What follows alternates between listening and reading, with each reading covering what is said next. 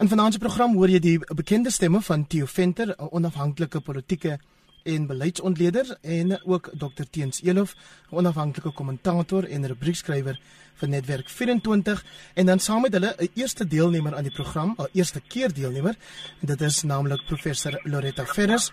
Sy is 'n adjunk fisiek kanselier by die Universiteit van Kaapstad en sy is daar verantwoordelik vir die transformasie portefeulje. Baie welkom aan al drie van julle. Goeienaand. Ja, goeienaand. Nou, baie dankie. En dan weet jy natuurlik jy kan saamgesels soos gewoonlik eh, deur vir ons 'n SMS te stuur na 45889 teen R1.50 elk. Ons begin met die eerste onderwerp Theo, die chaos wat ek noem die chaos op kampusse oor studente getalle. Ons het gesien die afgelope week het ons die tragiese gebeurtenis gehad van 'n omstander wat doodgeskiet is gedurende 'n protesoptrede deur studente van Wits Universiteit hier in Braamfontein in Johannesburg vandag is daar koerantopskrifte wat sê shutdown looms over student anger in 'n rapport studente se woede oor geld kook oor. Maar neem ons eers terug na die skietdood van 'n man vroeër in die week.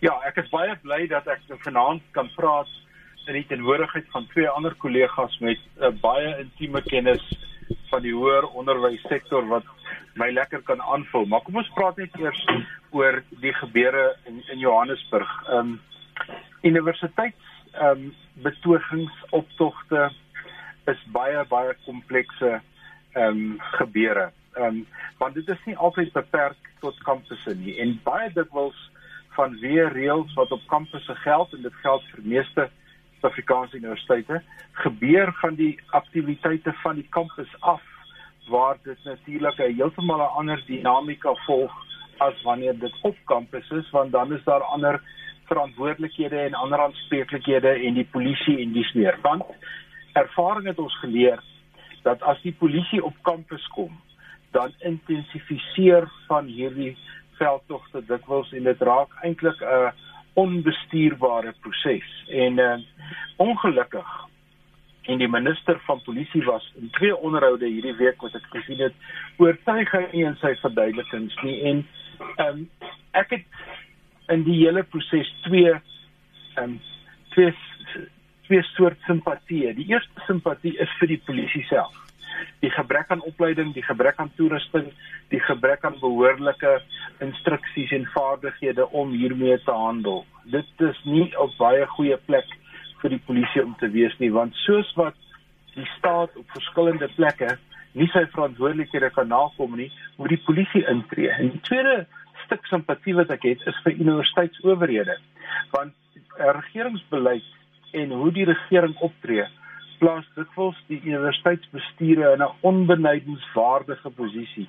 Teens Elof sal vir jou kan vertel in watter moeilike posisies ons soms geplaas was in die verlede en en dit is iets wat ekstern tot 'n universiteit gebeur. Nou op die oomblik gaan die hele kwessie oor NSFAS, die betaling van studentebeurse en dan die ou issue wat universiteite al vir jare treiter en dit is universiteite of studente wat wil registreer wat nie die vorige jaar se klasgelde betaal het nie of vir een of ander rede en daar kan meriete in die saak wees, nie daarby kon uitkom nie en dan moet die universiteite pa staan vir hierdie probleem en dit bestuur en dan kook dit oor en dan kry ons nou die gebeure wat ons in Johannesburg gekry het waar 'n onskuldige uh, man doodgeskiet word deur die polisie. So dis 'n komplekse omgewing en ek is bevrees dat die polisie as die meganisme is nie behoorlik toegerus om te doen wat hulle moet doen nie en ek dink die politieke beheer oor die polisie is wat my aanbetref is baie swak met minister Cele aan die hoof. Loretta ons kan nou nog kom by jou universiteit se besluit oor sogenaamde historical debt. Praat dit gou eers met ons oor 5 jaar na fees mas vol sien ons hierdie gebeure weer op kampusse en ek het gedog Dr. Randall Carolison het dit reg gekry om Nasfas om te draai. Maar jy sien die die, die probleem was regtig nie Nasfas nie. Kyk, kyk mens moet dink aan of of die besluit wat geneem is in Desember 2017 deur oud-president Zuma werklik 'n uh, besluit was wat ehm um, vol, volhoubaar was. En my mening is dit was nie. Ons het almal geweet dat dit 'n tipe van 'n besluit was om vrede te bring op daai tydperk. Ja, en dit het ons weer 2 jaar van geweldige protes. Hmm. Ehm um, baie baie gewelddadige protes. Ehm um, en dit het universiteite geweldige ook gekos. En ek dink ehm um, die die minister en die president was onder groot druk. En en julle sal onthou dat ek dink Blyd was daai destyds ook president um, minister gewees. Hy het nie hy was hier bewus dat hierdie aankondiging sou kom nie, né? Nee, want die, ja, want die en kan en kan ek byvoeg die heer kommissie het 'n ander aanbeveling gemaak. Ja, dis nou net dis waar by ek wil ja. uitkom. Nee, ons het 'n fees commission gehad wat wat vir maande gesit het wat 'n reeks van aanbevelings gehad het en maar het dit alles geïgnoreer en hy het basies gesê goed ons gee nou vir julle free education ons lig die die ehm um, die die basiese inkomste verg van 122000 tot 350000 en dit was natuurlik die eh, free education nee ek meen al wat dit gedoen het is dat meer mense gekwalifiseer het vir vir NSFAS Ehm um, maar maar aan die einde van die en en daar was ander tipe jy weet eh, eh, vir die eerste keer volle koste betaal wat daar voorheen 'n perk was en en hulle het ook die dit omgeskakel van lenings na beurse. So ek meen dit was 'n belangrike besluit. Maar aan die einde van die dag is die vraag waar gaan my geld vandaan kom? Hm. En ek dink ons sou miskien nog kon voortgegaan het met met um, hierdie met hierdie ehm um, jy weet maar met hierdie groter groep studente wat nou befonds is van dit is wat gebeur het na 2017 is dat meer studente het nog gekwalifiseer vir vir NSFAS en baie meer studente het aansoek gedoen en en dit begin ek weet die, die koste het, het groter geword.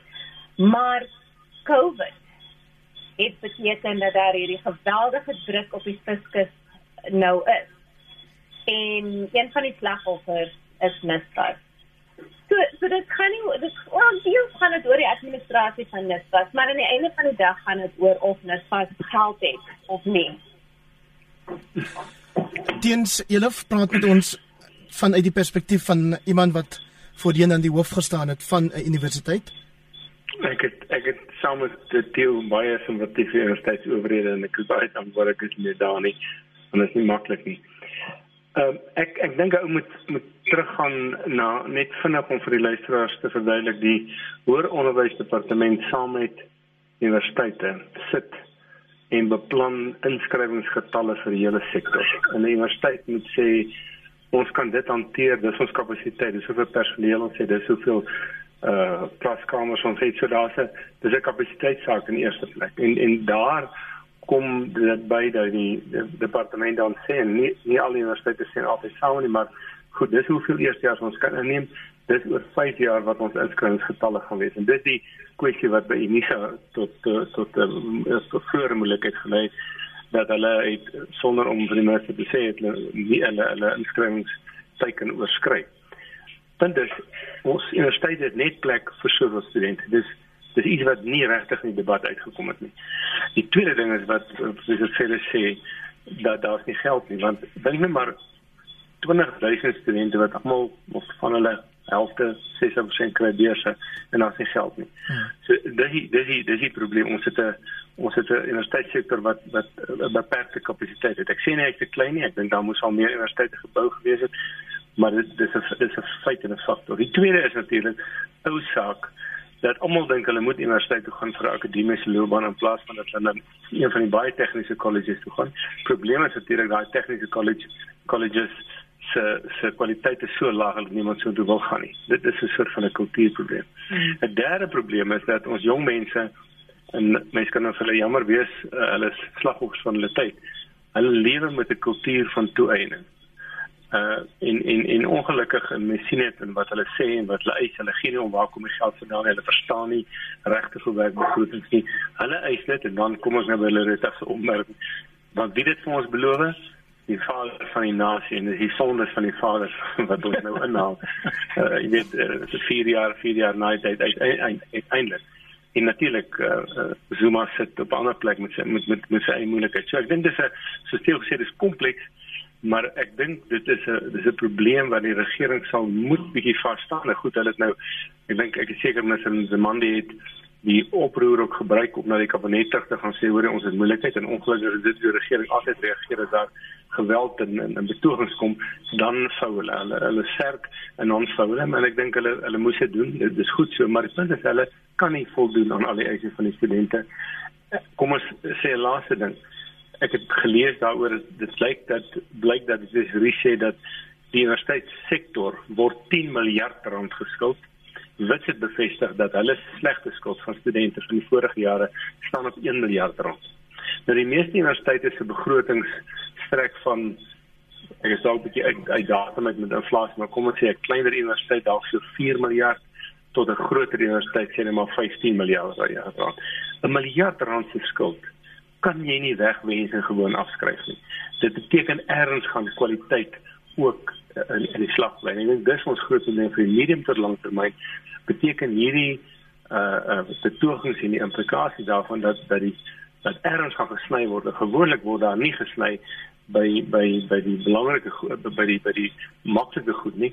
Daar word gesny by navorsing, by kundigheid. Dis hoe kwaliteit uiteindelik afgaan. Dis die stem van uh, Dr. Teens Elo wat vanaand deel uitmaak van ons paneel hier op kommentaar saam met Theo Venter en ook professor Loretta Ferris. Ek wil net seker maak uh teens is dit by jou wat ek die krikkekoor daar op die klein hoewe ja, in die agtergrond hoor. Laat ek begin verder toe maar jammer. Van die luisteraars het ook gevra dan na. okay, kom ons ek is bly dat jy nou vir my ook daai die Afrikaanse vertaling gegee het vir sogenaamde historical debt um teens en dit is dan nou slegte skuld sê jy. Loretta, ek het gehoor dat die Universiteit van Kaapstad het nou besluit studente kan wel registreer ten spyte van daai slegte skuld.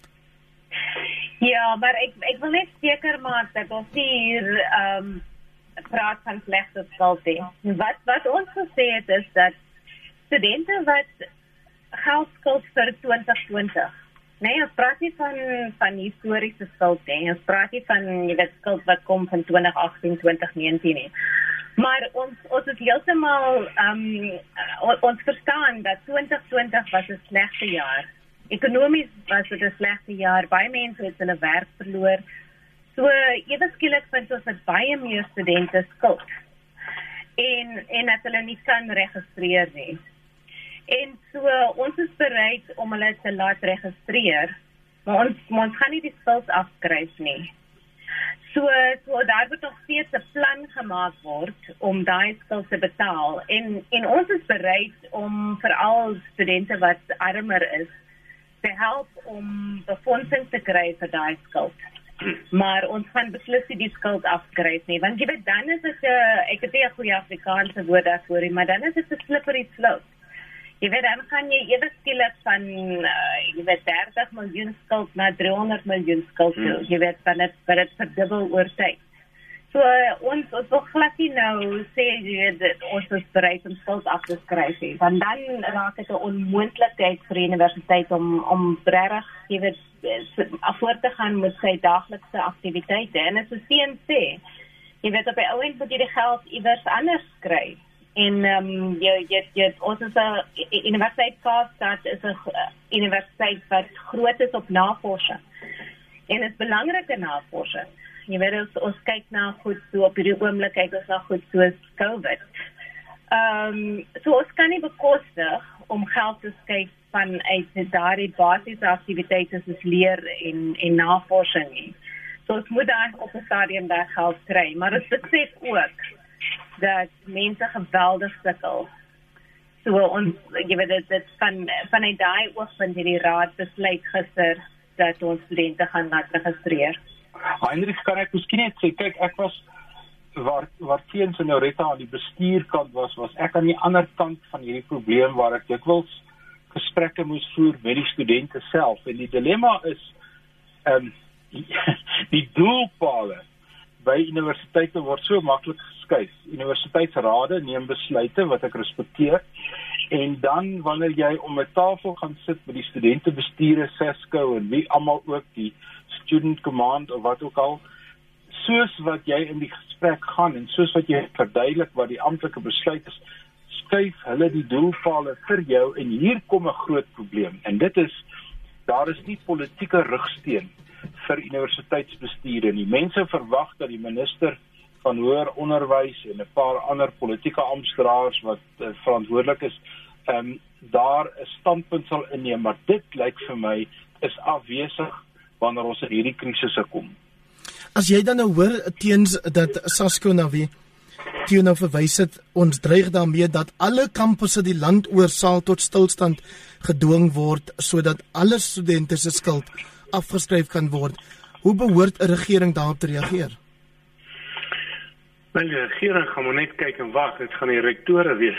En die mm. rektore is die Rita wat se moet. Dan kyk ek dink ek dink wat die Rita hulle doen is waarskynlik 'n wyse ding. Ek nou nie voorskryf vir ander kampusse in elke kampus eh uh, vir uh, vir situasie like anders.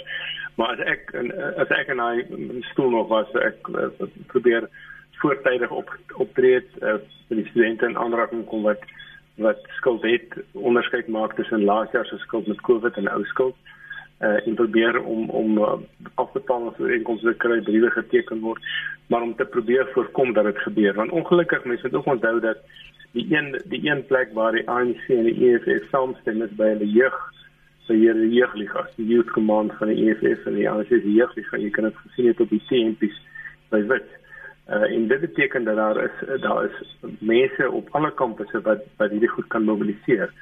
Sover het ek nie gesien dat dit buitekant dit was in die groot stede dan hulle uh, by tikkies is daar gemarseer maar vreedsaam Witstad het ons almal gesien die uh, uh, Kaapstad uh, Stellenbosch het ek dink ietsie gelees en Vrystaat. Ek het nog nie by ander kampusse gesien ek dink op op op landelike kampusse en ek wil nou sê soos die Tydswoord uh, is dit gewoonlik nie so uh, vinnig mobiliseerbaar nie maar dit kan wees so mense moet dit nie onderskat nie ek dink om voortydig en, en voorkomend op te tree is miskien die beste.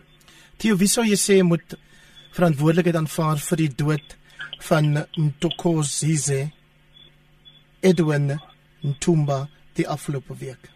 Wel, ehm um, die die daar's 'n onmiddellike respons of 'n onmiddellike verantwoordelikheid en die dink ek rus vierkantig by die polisie mits die ondersoek natuurlik wys forensies en andersins waar die skote en deur wie die skote geskiet is want daar is natuurlik 'n regsproses wat gevolg moet word. Maar ehm um, ek uh, dis baie moeilik om blame te plaas op hierdie goed. Oor hoof sou mens sê die blame moet geplaas word by by die mense wat die wat die optog gereël het en die vraag het gevra word het hulle toestemming gehad het hulle die reëls gevolg van die plaaslike owerheid maar gewoonlik en dis hier waar die politieke rigsteen gewoonlik val waar politici, senior politici nie die moed van hulle oortuiging het om 'n standpunt in te neem en te handhaaf nie. Dit is ongelukkig deel van die omgewing waarin die studente funksioneer.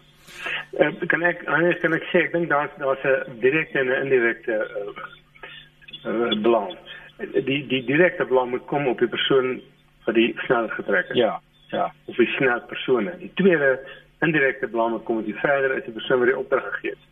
Skiet met rubberkoels na studente wat klaarblyklik op die grond gesit het. Ja, hulle mag onwettig daar gewees het, maar dis duidelik of uit die uit die getuies ooggetuies gesê daar was nie enige op daai stadium geweld nie. Ehm um, so ek ek dink dis die eerste maar dan die tweede keer daarvan gepraat in begin swak opleiding van ons polisie om veral groot skade te wees. Nou ek is lankal verby die punt met met 'n klomp uh onder ons op baie kampusse in my tyd dat my studente net met sagte handskoene hanteer. Dink dit het nou ferm opgetree word.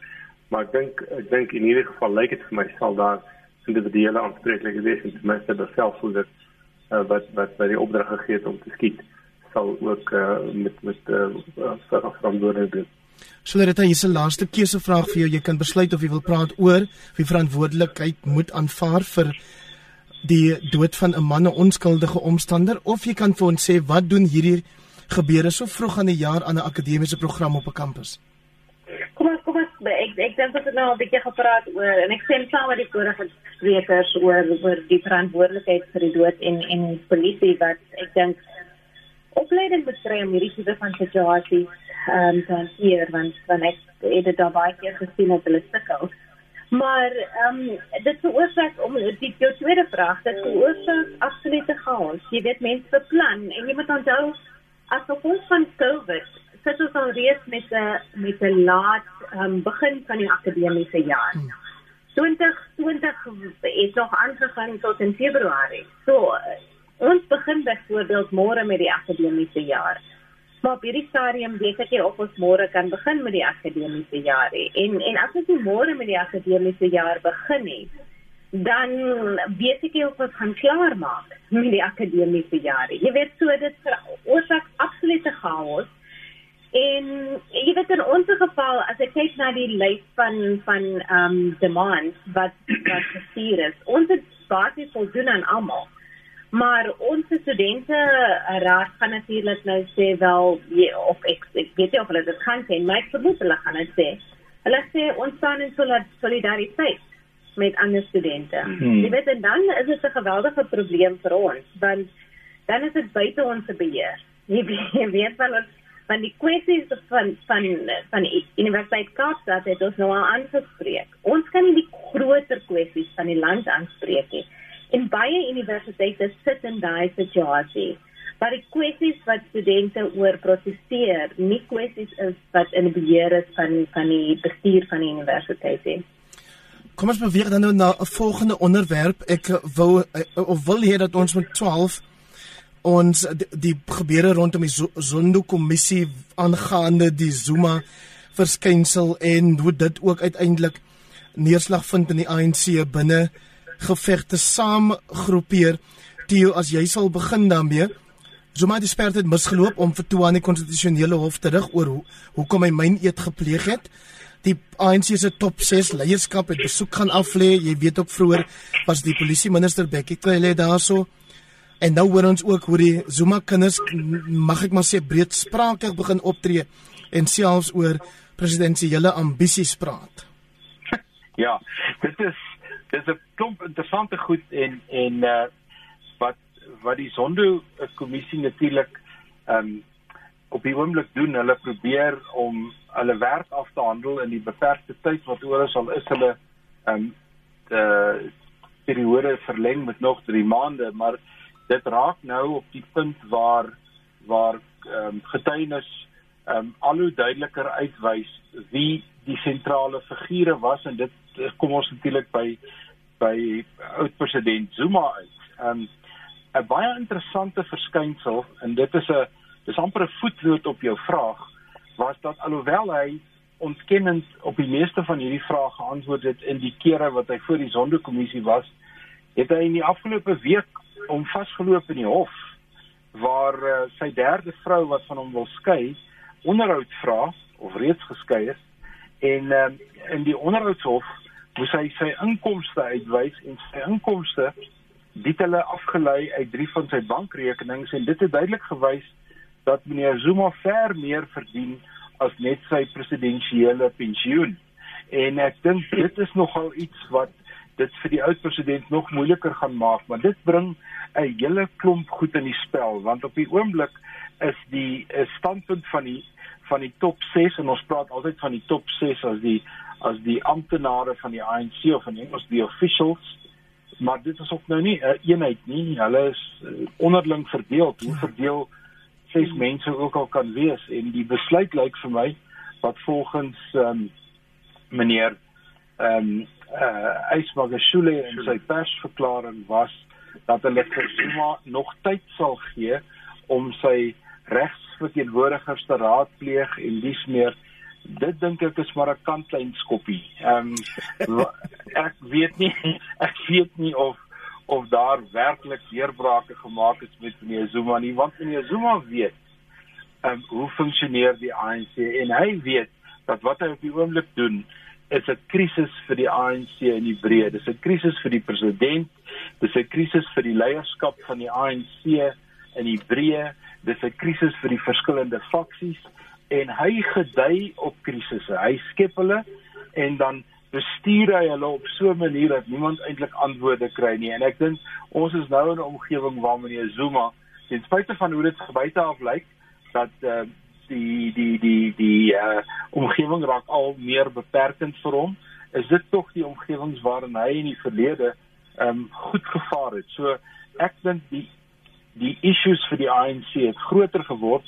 Die laaste punt wat ek wil wil maak is uit hierdie hele gesprekke om meneer Sekile en Balula skielik hier van die kant af met allerlei snaakse ehm um, Twitter opmerkings uh, hy hy bevraagteken sekere gebeure hy bevraagteken die rol wat Nkosazana Dlamini Zuma gespeel het wat Indiwe Sisulu gespeel het en dis meer.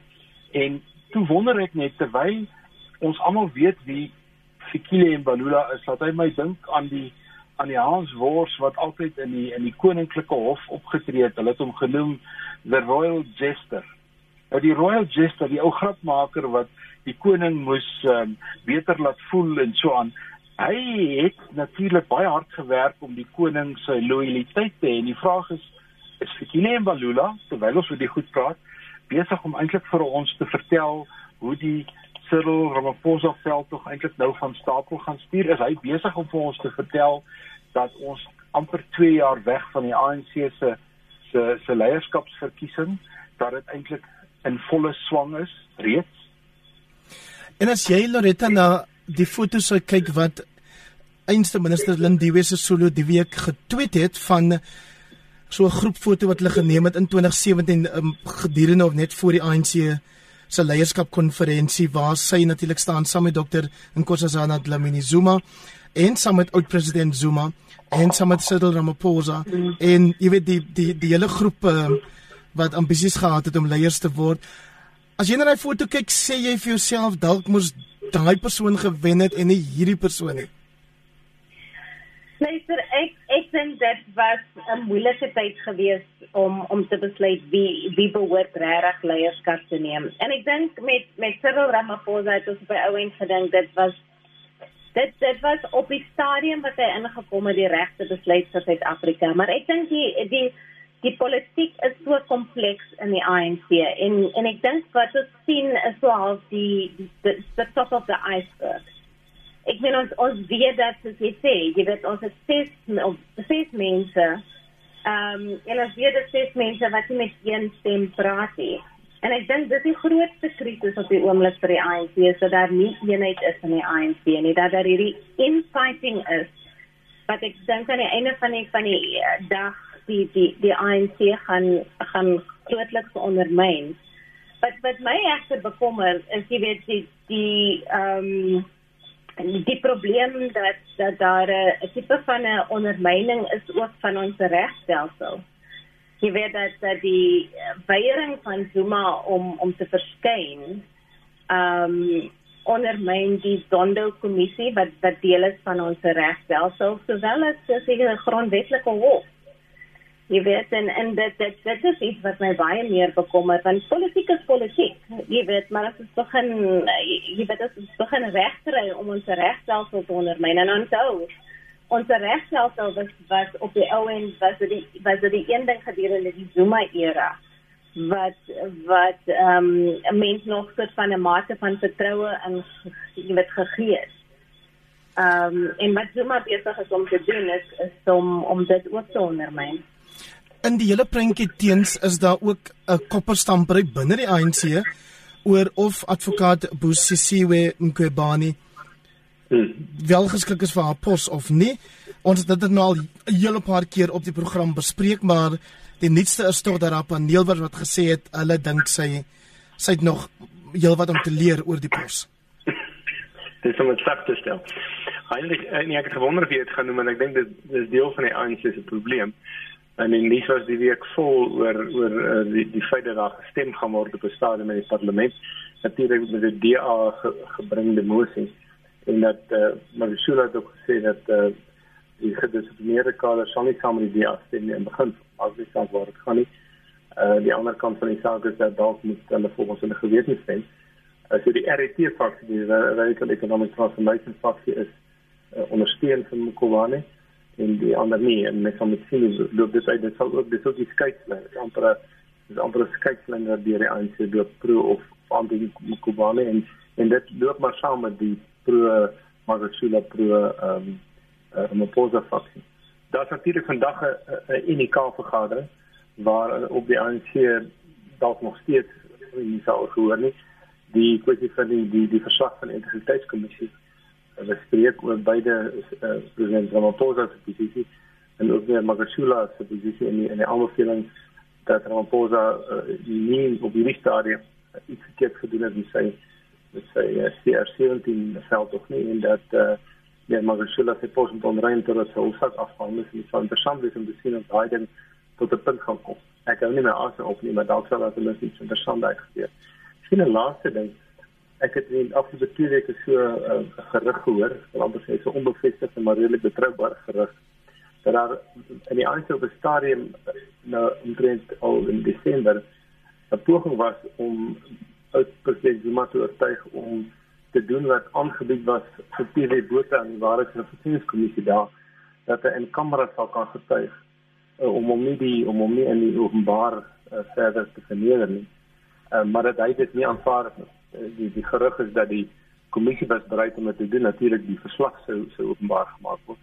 Maar maar die ondervraging en dit wat nie eh, die persoon moet gesê word. En hy het verwerp meer so my dit lyk vir my is maar sy styl dat so sê sê hy skep die krisis hy sit agteroor en hy wil 'n krisis skep. En as hy dan so te gaan spreek ek vermoed dit sal waarskynlik 'n opgeskorte vonnis wees. Dan is dit so dan is dit dan natuurlik uh, en ek dink dit skep die krisis waarvan Loretta praat vir die grondwet want van die aanklag kan nie gesien word om nie op te tree as as 'n uitpresident van hulle uh, die die die die grondwetlike reg so skat. Met Jemran jy's Jy kan daarom net die ANC se leierskap daarvan beskuldig dat hulle nie probeer het en hulle het iets soos 5 of 6 ure lank daar gesit ja, ja. en hulle het bes gedoen. Kom ons kom ons zoom teëgedruk.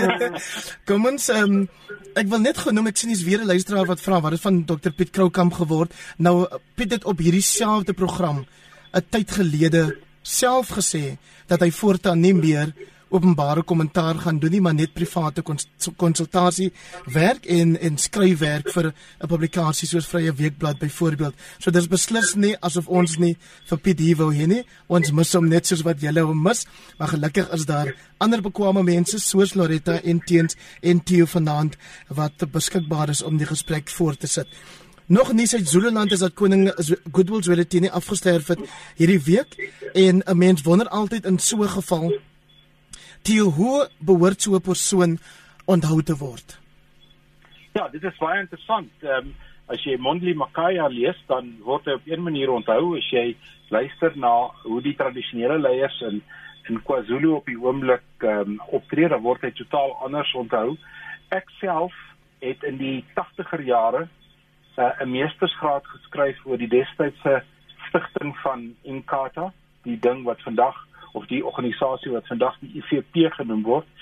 En ten minste een hoofstuk van my van my verhandeling was gewy aan die verhouding tussen Mangosuthu Buthelezi wat in 1982 nog Gacha Buthelezi genoem is en die verhouding met die koning. Hy so 20 jaar ouer as die koning en sy tradisionele rol was maar eintlik om die koning te te lei. Nou koning Goodwill was toe in daardie tyd 'n swakkeling.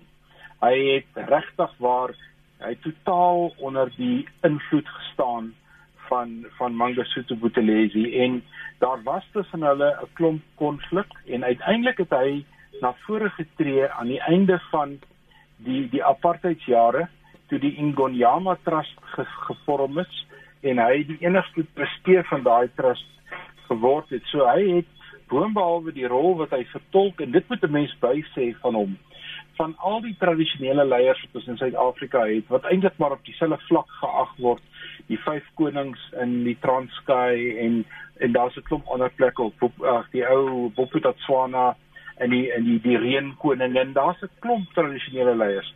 Is die Zulu koning een wat die meeste internasionaal bekend is en wat waarskynlik die grootste aansien het van wie wat gebeur het tussen die die Britte en die Zulus in in 1879 en 'n paar ander oorloë wat hulle gehad het. So die Zulu koning het 'n het 'n spesiale rol wat hy oor jare ontwikkel het en die geskiedenis aangeteken word, maar die huidige koning is oorlede op 72, soos wat ons nou weet, reeds weet.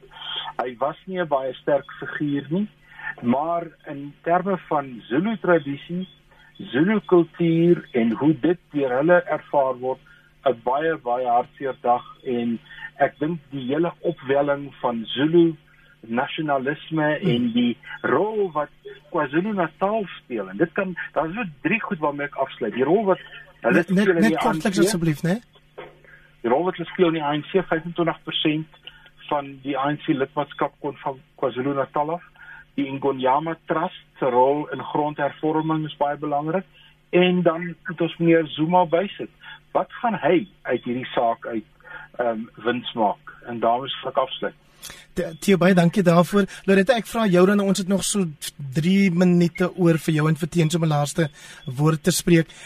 Is dit dan gepas van my om te praat oor die welwillendheid wat belastingbetalers teenoor koning Goodwill getoon het met daai miljoene rande wat ons jaarliks aan sy familieuitgawes, uitgebreide familie se uitgawes bestee?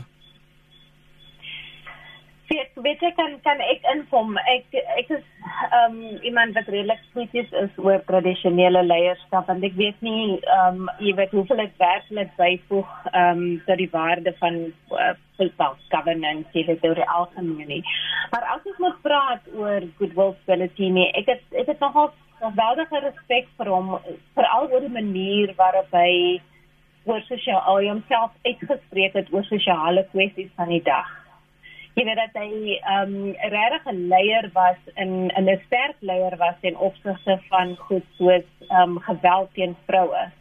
So, so dit was altyd vir my interessant. Jy weet aan die een kant het jy die jy weet jy read dance en en jy kan vra vra daaroor. Maar aan die einde van die dag het hy hom ek, ek kan onthou destyds met met HIV AIDS, het hy hom sterk uitgespreek oor oor ook die oor die feit dat ons ehm um, die ons ons traditional knowledge jy weet ons kennisstelsels moet gebruik in die geveg teen HIV AIDS. Ehm um, en meer onlangs het hy jy weet hom baie sterk uitgespreek teen geweld teen vroue. En en ek weet dit is daai oomblikke wat dit vir my gevoel het dit maak dit moeite werd want jy sien dit dit maak 'n verskil as 'n as 'n president homself uitspreek um, teen gewelddadig of geweld teen vroue en en iemand soos um Goodwill Salatini mm -hmm. wat miskien binne sy eie kultuur baie meer um respek het. Maar daarteenoor uh, teens ook onlangs uh, uitsprake deur die koning juis oor die Ngonyama Trust waarna Theo verwys het hmm. en grondonteiening. Kyk, die Ngonyama Trust is 'n uh, maand voor die verkiesing in 94 gestig uh, deur 'n wetsontwerp van die KwaZulu-Natal se uh, wetgewende vergadering in Duitsland. Ehm um, en ewe die klerk het daarvan kennis geneem tot tot daarna nie. Maar wat ek al sê, daardeur is dit was baie konsensieus, daai mense betaal 'n uh, uh, uh, fooi om op die grond te bly hier. Jy het titel nie. Hy was eintlik daardeur teen grondhervorming soos wat hy met die meeste mense wil hê. En hy baie sterk vir die regering gesê as julle aan my grond kom vat, en die onderhandelaars vir grond van impies hulle vat en hulle hy back off so sê so ek dink hy is kontroversieel maar ek dink oor die algemeen sal hy onthou wat 'n stabiele figuur ehm um, hy het nie te veel in politiek en gemeen hy het so 'n bietjie tussen die ANC en die in die in die, IFP geval val. Dink later jare 'n uh, uh, goeie vrede bewaar tussen die twee kante. Ehm um, dit is presies duidelik presies wat gaan gebeur nie. Maar ek dink nie hy as persoon sal 'n groot vakuum laat in die sin dat daar nou uh, dat die Zulu volk tradisionele deel van die Zulu volk uh, leierloos sal wees. Ek dink daar daar sal daar sal wel mense na vore tree dit sê sê dat dat binne die die die toon opvolger wat is die se een seun wat in in in Amerika gewoon op op 'n tyd sal wees nie. Baie baie dankie. Dis nou tyd om goeie nag te sê op kommentaar aan jou Dr Teens Elof en jou kriek kabinet in die agtergrond. baie dankie vir julle deelname. Ook van ek is so bly ons het nie tyd om by die Meghan en Harry show te kom. Oor die oor daai Harry sal ons op 'n ander dag gesels. Baie dankie ook Theo Venter altyd waardering vir jou bydrae en dan professor Loretta Ferris ons kry boodskappe wat sê jy moet eenvoudig weer deelneem aan hierdie program. So verskriklik baie dankie ook aan jou wat ingeskakel het vanaand soos wat jy elke ander Sondag aand doen van my Heinrich Groetnis tot volgende keer.